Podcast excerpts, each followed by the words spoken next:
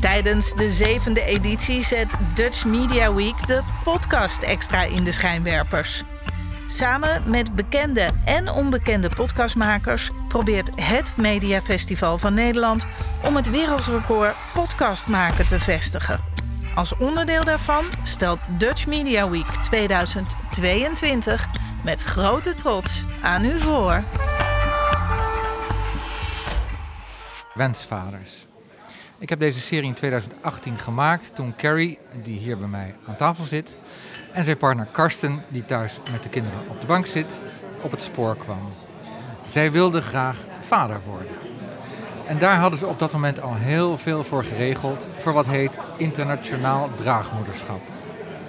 Ik was geïnteresseerd in hoe zoiets in zijn werk gaat en wat de rol is van de diverse betrokken partijen.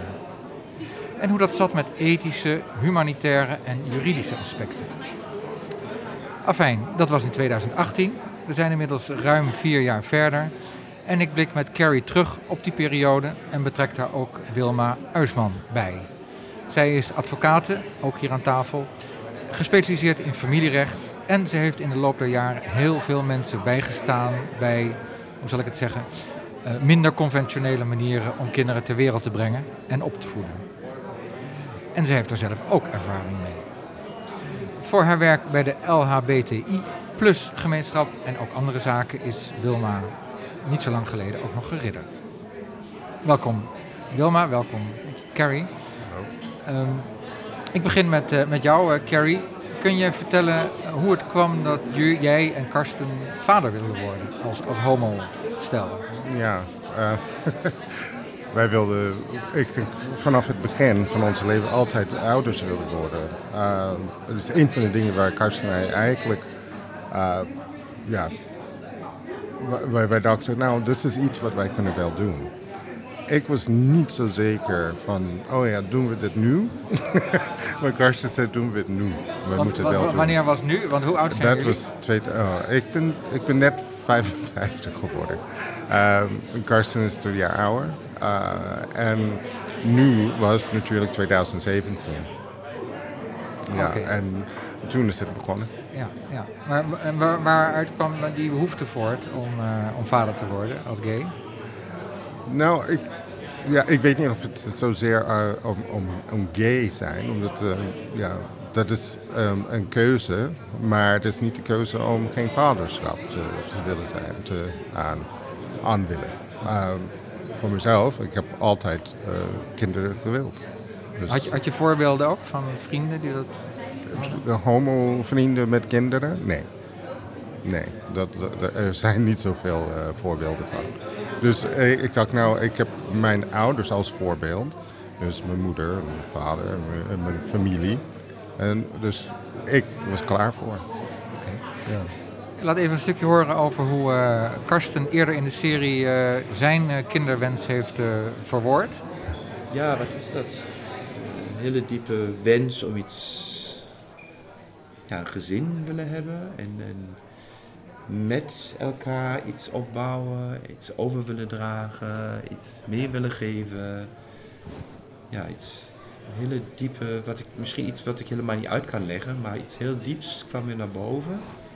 Ik dacht van, ja, why not? Ja, laten we het onderzoeken. Dat is uh, wat, uh, wat Karsten uh, ja. zegt. En ik begrijp dat jij je plotseling nog herinnert. Ja, ik heb een heel goede vriendin. Uh, van uit high school en zij heet Seth en zij is getrouwd met een vrouw en zij heeft drie kinderen. Dus, uh, en ze zijn natuurlijk uh, twee vrouwen, dus je moet wel een, een beetje sperma erbij hebben om de kinderen te wekken. En voor mij was het wel duidelijk op dat moment dat het kan. Dat het kon. Dat, dat, je kan wel makkelijk een, een familie stikken. Niet makkelijk, maar wel een familie stikken. Ja. Maar en... voor hun was het wel makkelijker. Wat was jullie eerste stap om, om, om te onderzoeken of jullie vader konden worden? Het is eigenlijk onderzoeken waar dat kan gebeuren. We hadden wel natuurlijk hulp nodig. Uh, dus in eerste instantie gingen we naar de lokale COC. En ze hebben aangeboden dat je moet wel lid worden van een, een website. En daar kan je misschien een moeder vinden voor voor alles. Dus je, kan wel misschien een draagmoeder vinden of een eiceldonor vinden. En dus wij gingen al in. dus we wilden natuurlijk eh, een familie. En, eh, maar het is ons niet gelukt via die website en de gemeenschap. Want ons- jullie hadden wel contacten met we hebben wel twee, twee keer ehm, potentiële moeders of mensen die wilden meewerken. En het is niet gelukt. Dus ehm, ja, voor een van de reden, Karsten en ik, we zijn een stel. En we wilden natuurlijk een familie samen. Maar één vrouw zei dat was, het was altijd één tussen twee. En ik dacht, oké, dat is al Ze fout. voelden zich een beetje de mindere. Ja, dat zij kan nooit in een debat iets winnen. En ik dacht, nou, dat, zo moet je het niet zien. Maar, maar ja, ik denk, misschien heb je een verkeerd beeld van familie ook. Dus misschien is het niet goed. Ja. Ja. Dat, was, dat was teleurstellend. Ja. En, eh, en Wilma, eh, 2017, hoe, hoe was dat toen qua wetgeving geregeld? Ehm, die website, dat is een hele gevaarlijke eh, advies geweest van het COC. Want zo'n website is eh, strafbaar, het beheren van zo'n website. Welke was dat? Eh, ik weet het niet, maar je mag niet bemiddelen eh, tussen eh, draagmoeders en, eh, en wensouders. Maar je mag ook geen oproep doen, ik wil draagmoeder zijn of ik zoek er een. En zo'n webbeheerder van die pagina, die is ook strafbaar als hij dat toelaat. Dus het, en dat is overigens nu nog steeds zo. Dus dat was wel een beetje een, een naar, naar advies, zou ik bijna zeggen. Dus je, in Nederland het vinden van een draagmoeder, dat moet erg tussen de lijntjes door. En eh, dat kan ook wel, dat gebeurt ook wel. Maar het vinden van iemand eh, in je eigen omgeving, dat is, dat is knap lastig. Want eh, je moet een mevrouw vinden die bereid is om negen maanden voor jou zwanger te zijn. Of die haar eicellen wil af, afdragen aan jou. Wat natuurlijk ook genetisch de helft haar kind wordt. Dus dat was allemaal. eh, nee, en het is eh, medisch ook best riskant. Het, is, eh, het krijgen van een kind of het geven van je eicellen is niet zonder medisch risico. Dus dat is gecompliceerd. En zeker in Nederland. Over, over hoe het geregeld zou moeten worden, hebben we het zo meteen nog met jou. Ehm, in Nederland zijn er dus allerlei belemmeringen om via een draagmoeder kinderen te krijgen. En hoe is dat internationaal? Internationaal ehm, eh, gaat het in een aantal landen gaat, eh, is dat eh, toegestaan. In een aantal landen is het absoluut verboden. Dat is het in Nederland dus niet. En ehm, toch nog even zeggen dat er was een ziekenhuis in 2017 die wel draagmoederschap deed voor man-vrouw stellen. Als je je eigen eicel meenam, zo'n vrouw kan haar eigen eicel innemen. En eh, je moet ook je eigen draagmoeder meenemen. Dat is gelukkig veranderd. Maar eh, in 2017 was, eh, was dat nog een grote belemmering voor mannen stellen. En in het buitenland, ja, er zijn dus landen waar het, waar het kan, waar het geregeld is. Er zijn landen waar niets geregeld is en waarvan eh, agencies, klinieken, mensen denken... oh, dan gaan we hier de, de grenzen opzoeken wat wel kan. Eh, en eh, ja, dat is een beetje een jungle, want je weet niet of je je kind weer mee terug kan krijgen... of het allemaal kan wat, eh, wat niet verboden is.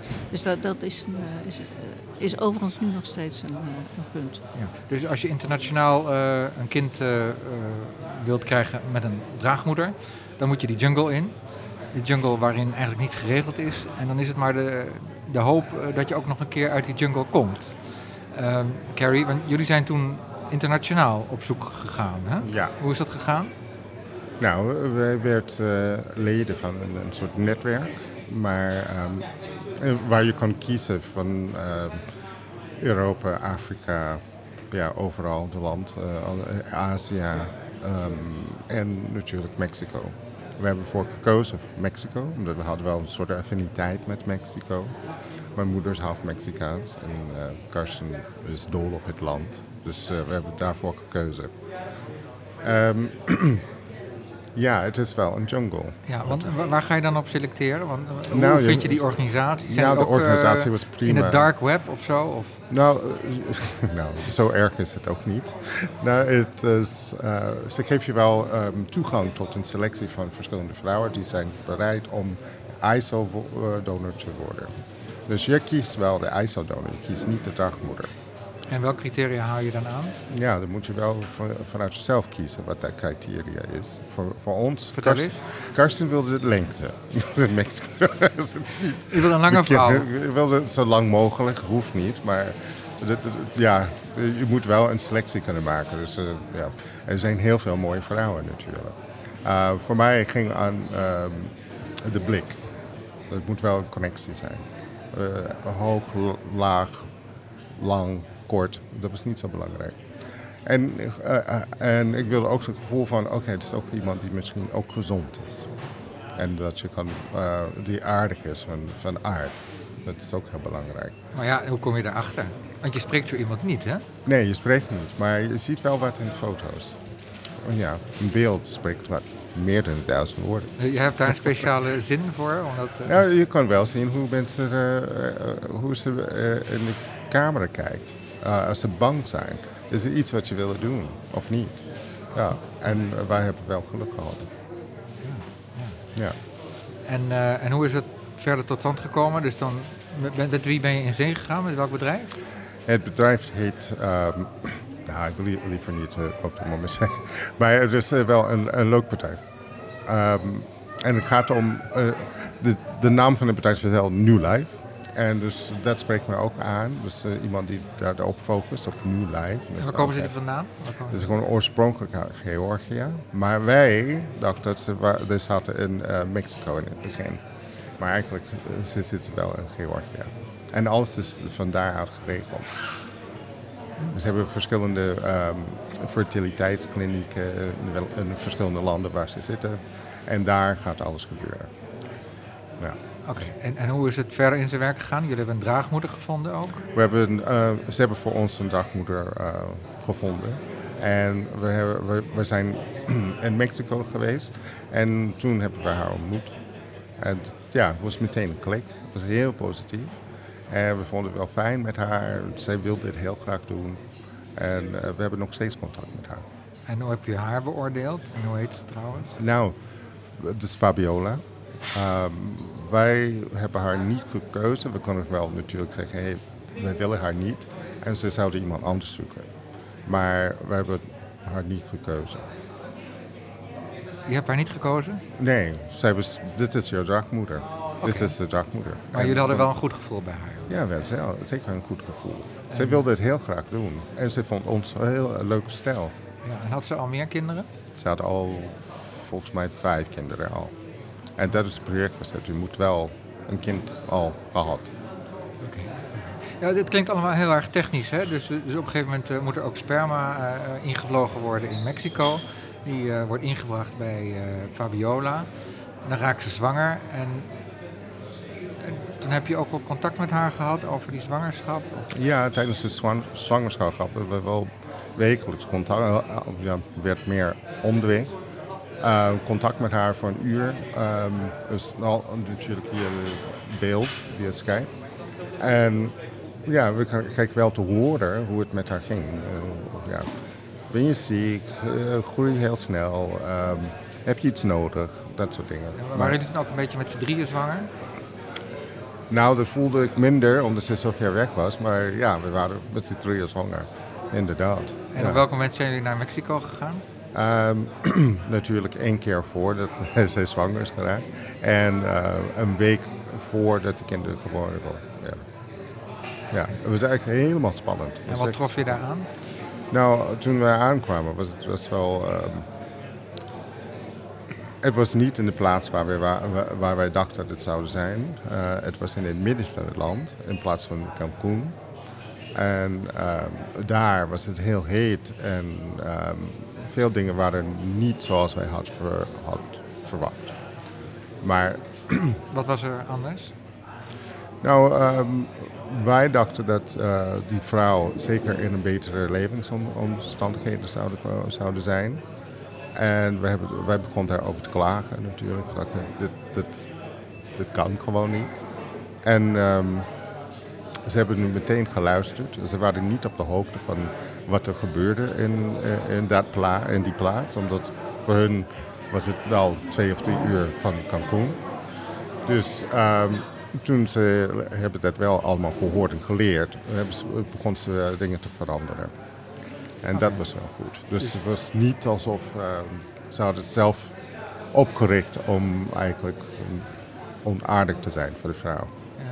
Dus dat was een beetje die jungle waar je dan in belandt. Ja, ja, je moet wel weten waar je aan begint. En, eh, Nou, dat wist je dus niet helemaal. dat wisten we niet. Nee, we wisten helemaal niet. Nee, Ehm, nee. Maar wat we hebben wel eh, ehm, gemerkt in onze zoektocht, in ons onderzoek voor de juiste netwerk of kliniek. Dus er heel veel klinieken wilden eigenlijk sowieso niet met homo's werken. Uh, het- je vindt het ook eh, in, bij adoptie, bepaalde landen bijvoorbeeld zeggen nee tegen homo's. Je mag geen kind van ons krijgen. Dat is wel pijnlijk en dat is moeilijk. Dat maakt alleen maar de, de, de, de familielust. Dus het maakt het alleen maar erger en groter. En je moet wel, hoe komen we hier uit? Ja. Eh, hoe kan ons helpen? Hoe ging het verder met de, de, de ontvangst in Mexico en de medewerkers van New Life daar? Ja, met de medewerkers zelf hadden we geen probleem. Ze hebben wel iemand ingehuurd om de taken, de eindtaken van de zwangerschap uit te voeren. Dat, dat betekent een woonplaats, eh, ritjes naar de gynaecoloog, ja, dat soort dingen. En ehm, ja, zij, eh, en in kort te zeggen, zij was een oplichter en ze wilde geld. En dus zij heeft ons in een heel kwetsbare periode eigenlijk eh, probeerde eh, ons op te lichten. En, eh, Is dat gelukt? Ja, het is wel gelukt. Ehm, dus ja, dat was wel Wat- een wat- lager punt. Wat was haar argument? Nou, zij, haar argument was dat de arts wilde geld. En omdat wij, eh, Spaans, onze Spaans was gebroken, dat, eh, wij, wij wisten niet wat, wat daar aan de hand was. Dus zij hadden gesprekken met de arts, de gynaecoloog, die zou alles eh, voor zorgen. Dus ook die eh keizersnee. En zij heeft ons verteld dat Ehm, hij moest 170.000 peso's hebben voordat hij kan iets uitvoeren. Wij vonden het heel vreemd. Hoeveel is dat euro? Oh, 2, 2000 euro, of zo. Dat is niet veel. Dat was niet veel. Maar het was lastig. Het was meer van, ja, allerlaatste moment kom je met dit en het moet contant zijn. Wij waren niet helemaal ehm, waar we moesten zijn in onze hoofd. We waren bezig met, wij worden vaders, toch? Dat is alleen maar dus dat mooie moment werd een beetje verpest. Het was een beetje verpest, maar eh, wij waren ehm, kwetsbaar op dat moment. Je kon bij eigenlijk alles tegen ons zeggen en wij zouden misschien geloven. En dat was ook een leermoment, niet alleen voor ons, maar ook voor het bedrijf, het, het netwerk. Dat, oh ja, dat is ook een punt waar we moeten wel tegen de, de ouders zeggen, alle dit soort financiële contacten, dat moet door de hoofdkantoor. Niet door een van onze medewerkers, maar alleen door de hoofdkantoor. En eh, dat is nu, nu duidelijk eh, een boodschap in hun... in hun, eh, Het punt is natuurlijk dat in dit soort processen iedereen heel erg kwetsbaar is. Hè? De, de wensouders, de draagmoeder, de eicel-donor en de kinderen, en die, die ook nog geen stem hebben. Hè? ja, Dus dat is wel iets wat goed geregeld zou moeten worden. Maar internationaal eh, kunnen we dat nog niet eh, tegemoet zien. Misschien eh, nationaal. Daar hebben we Wilma voor, die daar zo meteen wat over gaat zeggen. Dus daar komen we nog wel even op terug. Maar die kinderen zijn geboren, hè? dat is allemaal goed gegaan. En toen moesten jullie het land nog uit. ja. Met die kinderen. Met die kinderen. En dat is moeilijker, omdat in Nederland alles is al geregeld voor de zwangere vrouw. Ze hoeft alleen maar zwanger te raken en dan alles wordt geregeld. Ehm, twee mannen, dat is niet mogelijk. Dus je moet wel informatie geven aan de gemeente om, om, eh, om dingen op gang te, te brengen. Bijvoorbeeld ehm, eh, healthcare. Dus eh, gewone normale dingen waar je misschien nooit over denken, moet je wel regelen ineens. Ja. Ehm, En een aantal heel juridische dingen, ook nog in Mexico. hè? Dus ja, dus Dat was ook niet zo makkelijk, toch? Dat, ging ook niet zo makkelijk. Nee, ik kan er wel nu over lachen, maar eh, wat is ook gebeurd is, via die eh, oplichter hebben wij natuurlijk een, ehm, een advocaat gevonden. Dat was Dus niet ook, Wilma, eh, maar dat dus was een zeker niet Mexicaanse Wilma, dat was een advocaat, ja. Mexicaanse advocaat. En ehm, hij was ook eh, mede-oplichter. Dus hij heeft ook geld van ons gepakt. Maar, ehm, en in Mexico krijg je eh, een duplicaat van, van de geboorteactes. En dus hij heeft die, eh, de, de duplicaten, heeft hij genomen. En hij zei hij zou naar de, naar de stadskantoor moeten gaan om alles te regelen. Want je moet wel een apostille hebben op de achterkant, zodat we kan wel de Ja. kinderen krijgen. Een apostille is een soort bewijsje dat wat je als officieel document hebt, dat dat echt is. Hè? Ja. Dus je moet dat wel kunnen krijgen. Maar eh, we, eh, toen hij weg is, hebben we nooit meer van hem gehoord. Eén keer, ik heb gevraagd voor de, een kopie van het contract. En hij heeft het uiteindelijk eh, gebracht. Nou, junglepraktijken nog een keer. Uiteindelijk heeft de Nederlandse ambassade wel eh, jullie geholpen. Hè? Die hebben ze ook Ze hebben ons geholpen, ze hebben alles met spoed gedaan. Ja, ja. En uiteindelijk komen jullie dan op de luchthaven van eh, Cancun, was het geloof ik. En eh, daar ging het bijna nog mis, hè? Bijna iedereen was al aan boord en wij kwamen daar aangelopen, en gesjeest en, eh, nou ja, en paspoorten overhandigd. Eigenlijk ook heel trots dat we de paspoorten hadden. Vier paspoorten. Vier paspoorten en, eh, en die man keek ze na en boarding passes eh, had hij ook allemaal gecheckt. En toen gaf hij dat tak terug in mijn handen en toen wilde ik al doorlopen en hij vroeg van... eh, en de kinderen zijn geboren in, en ik zei in Tuxla. Maar bij, Tuxla dacht ik, oh god, had ik het maar niet gezegd. En toen zei hij, geboren in Tuxla, dat, eh, ja, dat, en hebben jullie ook migratieprocedure opgestart? Dat hadden we dus niet gedaan. Dus hij zei, ja, dan kan ik jullie niet eh, laten instappen. Dus toen ging het poortje open. Dus zeg maar, die, die afgrenzing werd opengezet en we moesten aan de zij en, en we mochten niet aan boord. Hoe ging? Ik ging praten als een brugman en ik gaf alleen maar aan, alsjeblieft, laat ons echt instappen. We zijn moe, we zijn op. We hebben paspoorten, we hebben heel veel eh tramaland gehad met alles. Eh, we zijn heel moe, alsjeblieft, laat ons gaan. In Spaans, mijn allerbeste Spaans. Toen ging ik smeken als een hondje en toen mochten we echt mee, gelukkig. Ja, ja. En volgens mij met een blik in mijn ogen, zei die man, knikte hij, maakte zo'n zwaai, ga maar doorlopen. Dus niet eens instappen.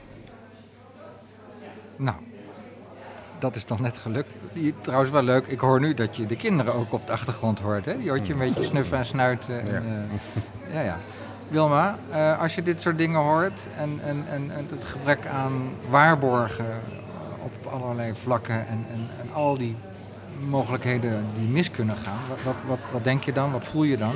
Nou, als mensen bij mij komen, eh, dan zeg ik, eh, eigenlijk is het enige buitenland waar je naartoe kunt gaan om het goed geregeld te krijgen, dat zijn de Verenigde Staten van Amerika en Canada.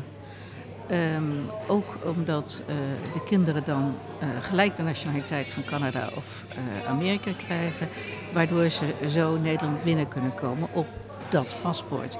En daar is dan eh, ge- geen, eh, geen gedoe meer over. En dan kan je hier in Nederland uitzoeken het gedoe, zou ik maar zeggen. Maar eh, het krijgen van de kinderen naar Nederland is vanuit een heleboel landen een groot probleem. En in de Verenigde Staten en in Canada is het, ja, daar kiest ook de draagmoeder, de wensouders. Hè, daar, jij kiest een draagmoeder, je hebt wel vrije keuze.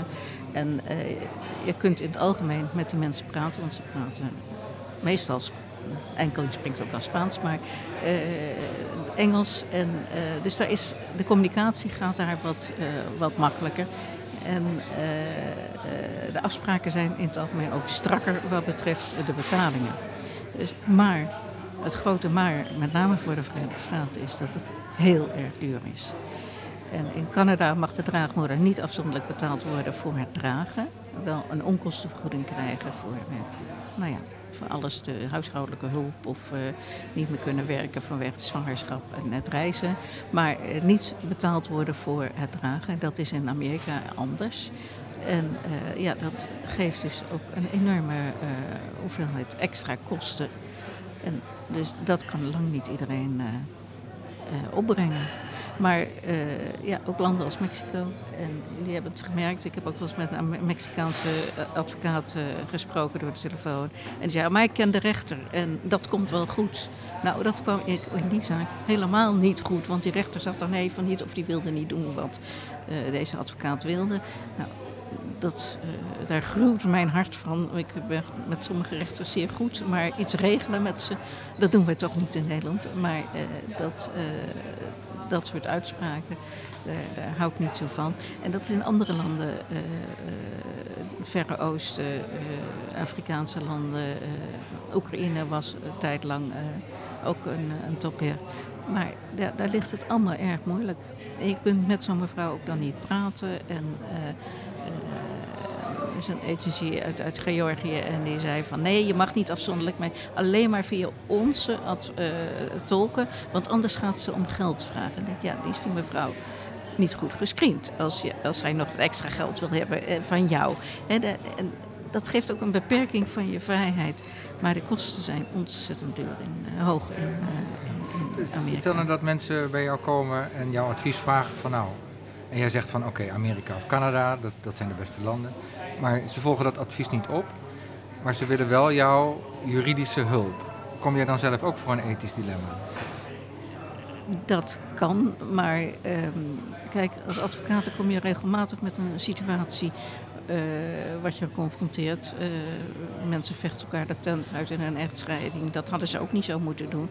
En je probeert natuurlijk te kijken met de situatie die je op dat moment hebt, hoe je dan toch, en ik zie dat dan wel als mijn belangrijkste taak, om de kinderen veilig bij hun Nederlandse ouders te krijgen. Ook juridisch als, uh, als ouders. Dus dat is dan toch mijn, mijn taak. Maar uh, ja, ik kan niet anders dan mensen heel erg waarschuwen voor alle ellende die je krijgt. Ik heb een Indiaanse familie, althans het kind werd geboren in India. Die heeft uh, ruim een jaar in India verbleven. Heeft de eerste verjaardag in India gevierd. Omdat het kind niet naar Nederland kon komen. Nou, dat wil je niet meemaken. Dat is echt afschuwelijk. Het is ontzettend fijn dat jullie toch naar, uh, naar, naar, Nederland mochten komen van deze aardige uh, meneer aan de grens. Maar lang niet alle, alle landen staan dat toe. Dat Want dat is ook. Aflopen. Nou, er zit ook een logica in. Je wil geen kinderontvoering. Dat wil niemand. En uh, althans, dat denk ik niet. Maar daar is, is het doel. Je kan niet zomaar een kindergrens overbrengen. Nee, dat, dat is waar. Dat is waar. Um, nog even één stuk van de, van de puzzel, één puzzelstukje. Um, heeft nog niet zoveel aandacht gekregen en dat is de eiceldonor. Jullie noemen haar nu de biologische moeder, wat een veel prettigere term is uh, natuurlijk. um, aanvankelijk was het niet de bedoeling, meen ik, dat jullie zouden weten wie dat was. Uh, niet zulke detail, nee. Uh, ze hebben per ongeluk, um, en ik twijfel soms of het per ongeluk was, maar ze hebben ons uh, meer informatie opgestuurd over haar. Dus wij, wij wisten haar naam, we wisten voor- en achternaam, um, lengte, heel veel informatie. Ja. En het leuke is dat ze jullie benaderden op een zeker moment, hè? Ja. En voor een podcast maken deed ze dat op de juiste manier, want ze deden het met een voicemail. En die kunnen we laten horen. Oh, it's really nice. I feel really great. They're really beautiful. Real, really, really nice. I mean, I can see some jeans for me in there in that little girls. They're really nice. And totally, I, I have picture for you. And I, I never, never, never like um, forgot about you guys. Like always have in my in my mind. Really, I'm so glad they're really nice and they look really happy. And you guys really look happy too. And that's make me happy too. So we are a, a happy family. it's so nice to hear about you guys and to see a lot of pictures of the of the little babies. Ja, jullie hadden haar foto's gestuurd en zij spreekt die voicemail in. En elke keer dat ik er naar luister, krijg ik weer de, de goosebumps, de, hoe noem je dat, kippenvel. Ja, kippenvel. Als zij zegt, we are a happy family. Ja. Dat vind ik zo mooi. Het is heel mooi, ja. ja ik Melissa, hè? Melissa heet ze. En uh, mijn zus noemen haar mama Melissa nu. En ja, we hebben wel heel veel geluk gehad. Echt heel veel geluk. Ik ben erg blij dat zij wilde ook een deel van onze familie uitmaken. We hebben vorig jaar haar uitgenodigd. Ehm, en zij is hier naartoe gekomen met haar moeder. En dus dat was ook bijzonder. De moeder is natuurlijk verliefd op de kinderen eh, geraakt. en eh, het was allemaal heel duidelijk voor, ehm, voor, voor, voor ons en voor Melissa dat uh, dit was de juiste beslissing te maken. Ja, ja. Jullie hebben niet alleen een tweeling gekregen, maar ook nog een familie erbij. Hè? Oh, Fabiola, Melissa. Fabiola, Melissa, Lupita, dat is nu um, Abuelita, dat is also, zijn ometje. Uh, en natuurlijk Melissa heeft een zus, nee, Brenda. En ja, dus de kinderen hebben nog een tante erbij. Dus, uh, en iedereen is, is, is blij. En ik, ja, ik kan alleen maar zeggen dat als je het doet, als iemand zou dit willen doen, dat je moet wel snappen dat je familie wordt groter. Sowieso. Dat is ja. alleen maar een goed uh, idee. Dat is alleen maar goed, maar ho ik hoop dat de meeste mensen die wil zo'n traject aan willen, dat ze er open voor staan. Ja. Dat, ja, wat, wat, wat Melissa ook zegt hè, in, in die voicemail is van, uh, ik herken mezelf. Ja. En dan, hè, ze zijn dan negen maanden, de kinderen. En dan heb je als eiceldonor uh, uh, ja, eicellen geleverd aan, aan de draagmoeder, aan ja. de organisatie. En er komen dan sperma, dozoïden bij van, uh, van, van, jullie. En dan zie je opeens dat kind dat op jou lijkt. Dat lijkt me een hele vreemde gewaarwording. Ja, ja we hebben er wel over gehad. Voor haar is het, heel, het was heel raar. Uh, maar ook erg mooi. En ze zei, nou, dit is, dit heeft haar op gang gebracht van misschien um, krijg ik geen kinderen. Omdat ik heb al kinderen. En wij zaten erover na te denken. Ik, ik, ik hoef de kinderen niet uh, groot te brengen. Dat is ook prima. Dus maar jullie ik, nemen die taak uit de handen? Dat is volledig uit de hand. En, en, gelukkig is haar moeder ook erbij. Op de moeder zei, nou ja, dat, dat hoeft eigenlijk nu niet. Nee. Want wat voor vrouw is zij? De, de Melissa? Uh, oh, Melissa is um, ontzettend mooi, volgens mij. Um, dat wisten we al, Carrie. En uh, zij is, uh, ja, ze, ze, werkt in de mode.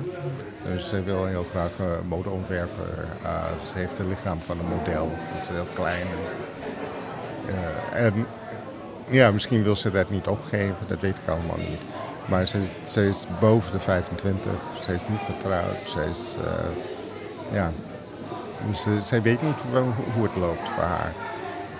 Goh, stel dat ze een vriend heeft, hoe verklaar je dat tegen die vriend? Nou, ik heb nog twee kinderen. Ja, nee, maar dat is een heel verhaal. Ja, dat is een heel verhaal. Dus maar, we moeten ook nog een Spaanse versie maken van de, deze podcastserie. Ja.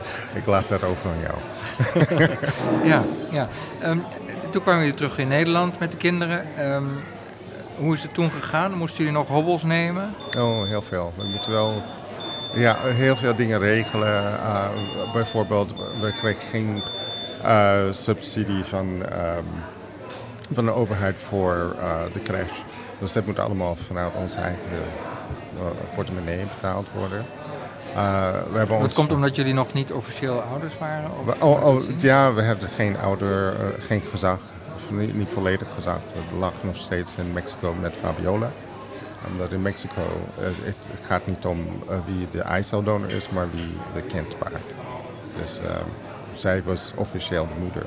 Maar ze heeft documenten, ze heeft getekend, ze wilde dat helemaal niet hebben. Ze wilde daar het gezag graag willen opzeggen. Maar, maar want Fabiola moest haar moederschap afstaan, hè? of ze moest ja. afstand nemen van het kind. Klinkt heel vervelend. Ja. En, en jullie moesten op de een of andere manier officieel ouders worden. Ja. En dat, voor een deel was dat in Mexico en voor een deel in Nederland. Ja. En hoe is het gegaan in Nederland bij de rechter? De rechter ging het best goed. Ze vond um, de situatie heel goed, omdat wij contact hadden met Melissa en met Fabiola. En dus als er iets zou, uh, een probleem zou komen of een situatie, hadden we wel contact met de mensen waarvan ze, ja, waar zijn ze de, de, de, de genen vandaan hebben. En misschien is, ligt er iets in hun familie dat we moeten weten. Dat is allemaal heel belangrijke informatie. En uh, voor de kinderen is het ook heel belangrijk dat zij weten waar ze vandaan komen. Dus, uh, dus nou, nou, jullie hebben je begeven in een jungle, maar jullie hebben zeg maar, het gewas een beetje naar je hand gezet. En, ja. en, en alles beetje ten goede laten keren, toch? Hè? Ja. Tot, tot een vrij positieve eh, situatie. Ja. En een aantal eh, foutjes van eh, de organiserende club New Ja. Life eh, weten Ja. recht te breien. Ja. Ehm, maar nou, toevallig was het 2018 zo, toen, toen was jij aan het werk, eh, Wilma, met wetgeving, met nieuwe wetgeving in Nederland, toch? Wat was jouw Nou, functie? Ik ben lid geweest van de staatscommissie Herijking Ouderschap. Maar wij hebben al in 2016, december 2016, ons rapport eh, eh, aan de minister van Justitie overhandigd. En gezegd van er moet een goede wetgeving komen voor draagmoederschap. En die kinderen die hebben er recht op dat ze zo snel mogelijk de juiste ouders hebben, juridisch ook. En eh, de toenmalige minister van de Steur die zei, oh dat ga ik uitvoeren. Nou, die is een maand minister geweest na die tijd. En vervolgens hebben we al twee verkiezingen gehad. En er is nog steeds geen wetsontwerp ingediend bij de Tweede Kamer. Eh, er is wel iets op internet verschenen in eh, mei, juli eh, 2020. En, eh, dus we weten wel een beetje welke richting op, op, op zal gaan, maar het is nog steeds niet ingediend. We zitten te springen om goede wetgeving. De rechters, eh, eh, ik zal niet zeggen die doen maar wat, maar eh, ja, die doen ook naar beste vermogen met de huidige wetgeving wat er kan. Maar er zitten een aantal, ja, ik zal zeggen, ethische vragen in. Wat nou, en een, nieuwe, een hele nieuwe, recente ontwikkeling van deze zomer is dat de rechter in Den Haag, maar ook in Amsterdam zegt: ja, hallo. Jullie hebben een onbekende ijzeldonor eh, gekozen. Dat is in Nederland niet toegestaan. En ehm, dat hebben jullie al meer keurig gedaan, bijvoorbeeld in Amerika. Maar eh, het feit dat jullie gebruik hebben gemaakt van een onbekende ijzeldonor... betekent dat wij de Amerikaanse stukken, ook al hebben jullie dat helemaal goed gedaan... en zouden we het, als jullie een bekende ijzeldonor zouden hebben... of een mevrouw die bereid is om als de kinderen oud zijn, ouder zijn... eh, eh, haar identiteit bekend te maken aan de kinderen... Dan, eh, dan zouden we dat allemaal goedkeuren. Maar nu jullie gebruik hebben gemaakt van onbekende ijzeldonor, doen we dat niet. En dat staat ook in dat wetsontwerp dat in 2020 op internet verscheen. eh, dat dat een van de belemmeringen is voor een directe eh, acceptatie van de buitenlandse geboorteakte en rechtelijke beslissingen. Dus daar zit nu opeens een eh, behoorlijke rem op, dat is gloednieuw. En alle argumenten die Kerry net heeft aangegeven van eh, hoe belangrijk het is dat kinderen eh, eh, ook contact kunnen hebben met hun, biologische ouders.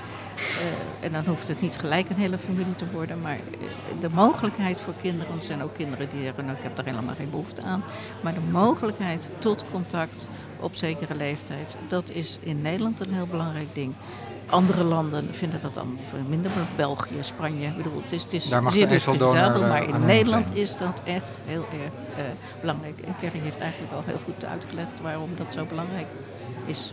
En, en denk jij er ook zo over? Of, of, of kun je dat niet scheiden van jouw juridische Nou, persoonlijkheid? Wij hebben natuurlijk, eh, eh, mijn vriendin en ik hebben destijds ook die keuze moeten maken, maar dan voor een spermadonor. En wij hebben gekozen voor een bekende spermadonor. Maar ik wil niet eh, treden in, eh, in, in dit soort beslissingen van een ander. Ik kan alleen maar uitleggen hoe dat hier in Nederland eh, is en waarom wij dat zo belangrijk vinden. Maar voel je niet dat je ook het kind vertegenwoordigt? Ja, dat is waar. Maar als mensen dan toch om wat voor reden dan ook, soms hebben ze echt een hele goede reden hoor, kiezen voor volstrekt anoniem, dan is het toch ja, niet aan mij om te zeggen, ja, maar dan mo- moet dat kind, wat, wat moet er anders met het kind? Hè? Dat kind is door de draagmoeder gedragen en het kind is geboren. En waar moet het dan naartoe? Nou, heel veel naar de biologische vader. Eh, en verder, eh, of niet? Moet het dan maar in Amerika blijven? Moet het dan maar in het buitenland blijven? Dat is ook het belang van het kind niet. Dus het is toch zoeken naar eh, wat is en goede voorlichting. Daar ben ik blij met zo'n podcast. Hoe meer goede voorlichting daarover komt, hoe eh, eh, voor de wensenouders, eh, dat ze goed snappen wat er allemaal komt kijken bij het krijgen van een kind via een draagmoeder. Ja, dat, dat, dat is ontzettend belangrijk. Stel dat het wetsontwerp eind dit jaar op tafel komt, hè, of in de Tweede Kamer komt, hè, en je hebt gezegd dat die kans bestaat. Wat gaat er dan veranderen? Uh, hoe is het dan in de ideale wereld binnenkort geregeld? Nou, dan moet het ook nog door de Eerste Kamer en dan kan het wet worden. er is een, een deel van het, het wetsontwerp daar kan ik maar heel erg in, achter scharen. daarin staat dat als een kind in het buitenland wordt geboren uit een draagmoeder, en het kan dus zijn, zijn, genetische ouders leren kennen. Uh, het is uh, genetisch verwant aan tenminste één van de wensouders. Um, daar staat ook in dat de draagmoeder na de geboorte nog de mogelijkheid, juridische mogelijkheid moet hebben om te zeggen, nou ik wil hier toch op terugkomen. En er moet een buitenlandse rechter over gegaan zijn. Dan onder die voorwaarden komt, kom je gewoon met je kind in Nederland. Je kan gewoon naar de de, de gemeente gaan en zeggen: Kijk, dit is mijn kind. En dan zal de gemeente eh, jouw kind ook inschrijven als jouw kind. En dan kom je voor die kinderopvang, toeslag en, en kinderbijslag onmiddellijk in aanmerking. En is dat een van die voorwaarden niet voldaan, ja, dan, heb je een, uh, dan moet het op een wat ingewikkeldere manier. Ik wil niet zeggen dat dat helemaal niet kan, maar dan wordt het ingewikkelder. Wat een groter probleem is en waar ik echt bezwaren tegen heb, is dat er in dat uh, tweede deel van het wetsontwerp staat dat uh, het strafrecht hier een rol gaat spelen er gaat wel uit de, de stafwet dat je uh, geen oproep mag doen voor een draagmoeder. En dat je niet mag uh, zeggen, ik wil graag een draagmoeder zijn. Dus die kunnen elkaar vinden? Die moeten elkaar makkelijker kunnen vinden. En dan mag ook een organisatie komen die daar zonder winstbejag op voor gaat bemiddelen. Maar als jij een draagmoeder gaat betalen voor haar diensten, dus voor het zwanger zijn, dan, niet voor haar onkosten, maar voor het zwanger zijn dan uh, ben je strafbaar. Dan moet je een, een maand tabak in of je moet uh, uh, 21.000 euro boete betalen. En waar je ook ter wereld dat een mevrouw hebt betaald, en mag het er helemaal volgens dat land, dat maakt niet uit, dan ben jij hier in Nederland strafbaar. En dat staat zeg maar op hetzelfde niveau als. Sommige uh, dingen zijn in Nederland wel strafbaar als je het in Nederland hebt uh, gedaan, maar niet als je het in een buitenland uh, hebt gedaan. En dit staat echt op hetzelfde niveau als kinderhandel, kinderporno, kinderontvoering, genocide. Vult u maar aan. En dan opeens, en ja, wordt het wel of niet vervolgd of niet, maar er hangt rond de geboorte van je kind opeens iets crimineels dat is denk ik het, het grootste probleem in dit verhaal. Ja. Uh, ik weet dat ze in Australië ook zo'n regel hebben. En mijn Australische collega zei, het is nog nooit gebruikt. Maar er hangt een zweem van criminaliteit rond de geboorte van jouw kind. Je ontstaansgeschiedenis van je kind. En ik vind dat echt niet goed. Terwijl een kind krijgen toch een hele klus is. Hè? Zeker als je, als je het voor iemand anders doet. En je, je loopt er ook een zeker risico mee. Uh, ik kan me ook voorstellen dat je niet uh, altijd kan werken hè, als je zwanger bent. Dus ja, meer dan een onkostenvergoeding zou je zeggen, is, uh, is, uh, is vrij uh, reëel. En nou ja, Fabiola heeft betaald gekregen. Ja. Melissa heeft betaald gekregen. Jullie hebben betaald. Ja. Ehm, ja. Kun je vertellen hoeveel het financieel heeft? nou, natuurlijk is het. Mexico is veel goedkoper dan Amerika of Canada. Um, wij volgden ook een, um, een, podcast van twee mannen die wilden ook een kind krijgen. Nederlandse mannen die wilden een kind krijgen via Canada manier. En ja, volgens mij, als ik luister naar de podcast, die moeten allebei heel rijk zijn. Want? Want? Omdat ze daar ging wonen. Om uh, voor, voor maanden. Ze zijn er in Amerika gaan wonen? Nee, Canada. Gewoon, maar ze hadden nog werk en ze hadden hier nog een huis. Maar ze wilde de dragmoeder vinden. En de juiste dragmoeder is best duur. Um, wij hebben ongeveer misschien 300, 400 euro in de maand betaald voor Fabiola. Dus maar in totaal? In totaal hebben we meer 170.000 in totaal betaald. Voor alles. Oké. Okay. Ja. en dan kost Amerika en Canada nog meer? Nee.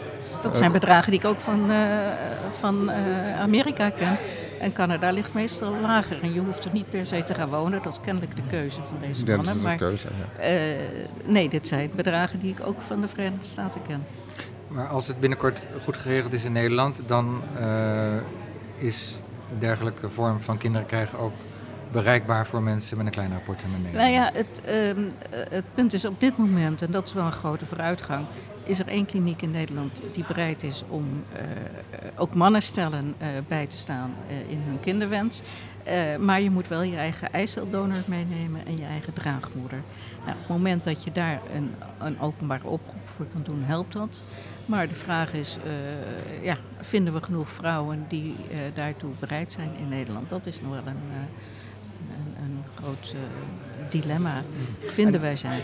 Als er nu mensen naar je toe komen, Wilma, wat adviseer je dan? Eh, zeg je dan van nou, het kan zus of zo, hè, wat je net vertelt. Of wacht nog maar even op de, op de wetgeving. Nee, ik vind dat mensen gewoon volledige. eh, eh, eh, met de informatie die ik kan geven. En die bijvoorbeeld ook eigen. het, informatie van Kerry zijn ontzettend belangrijk. De ervaringen zijn heel belangrijk.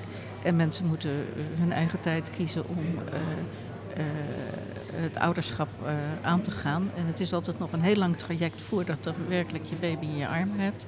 Ehm, toen wij eh, eh, onze kinderwens wilden realiseren, toen was er juridisch helemaal niets mogelijk. Onze zoon is inmiddels 30 en hij is inderdaad nu de zoon van ons beiden. Maar destijds hebben wij er ons er ook niet eh, door laten leiden. Nou ligt dat bij eh, vrouwen met eicellen die ouder worden ook weer wat anders misschien dan bij mannen stellen. Maar het, eh, eh, nee, ik vind dat mensen hun kinderwens maar gewoon moeten uitvoeren. Als het, maar wel weten waar de obstakels liggen en waar je op moet letten. En, en als je dan denkt, nou dat vind ik te ingewikkeld. Ik wacht liever vijf jaar, want dat lijkt me een reëlere termijn.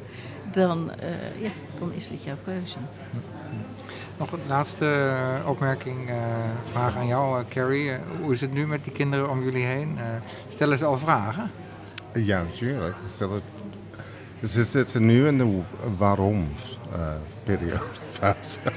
dus alles is waarom. waarom hebben we 4,5 nu, tanden? hè? Ja. Er zijn 4,5. Dus, eh, ja. Maar ze stellen af en toe vragen over, over hun afkomst. Waarom is mama Melissa in Mexico en dat soort dingen.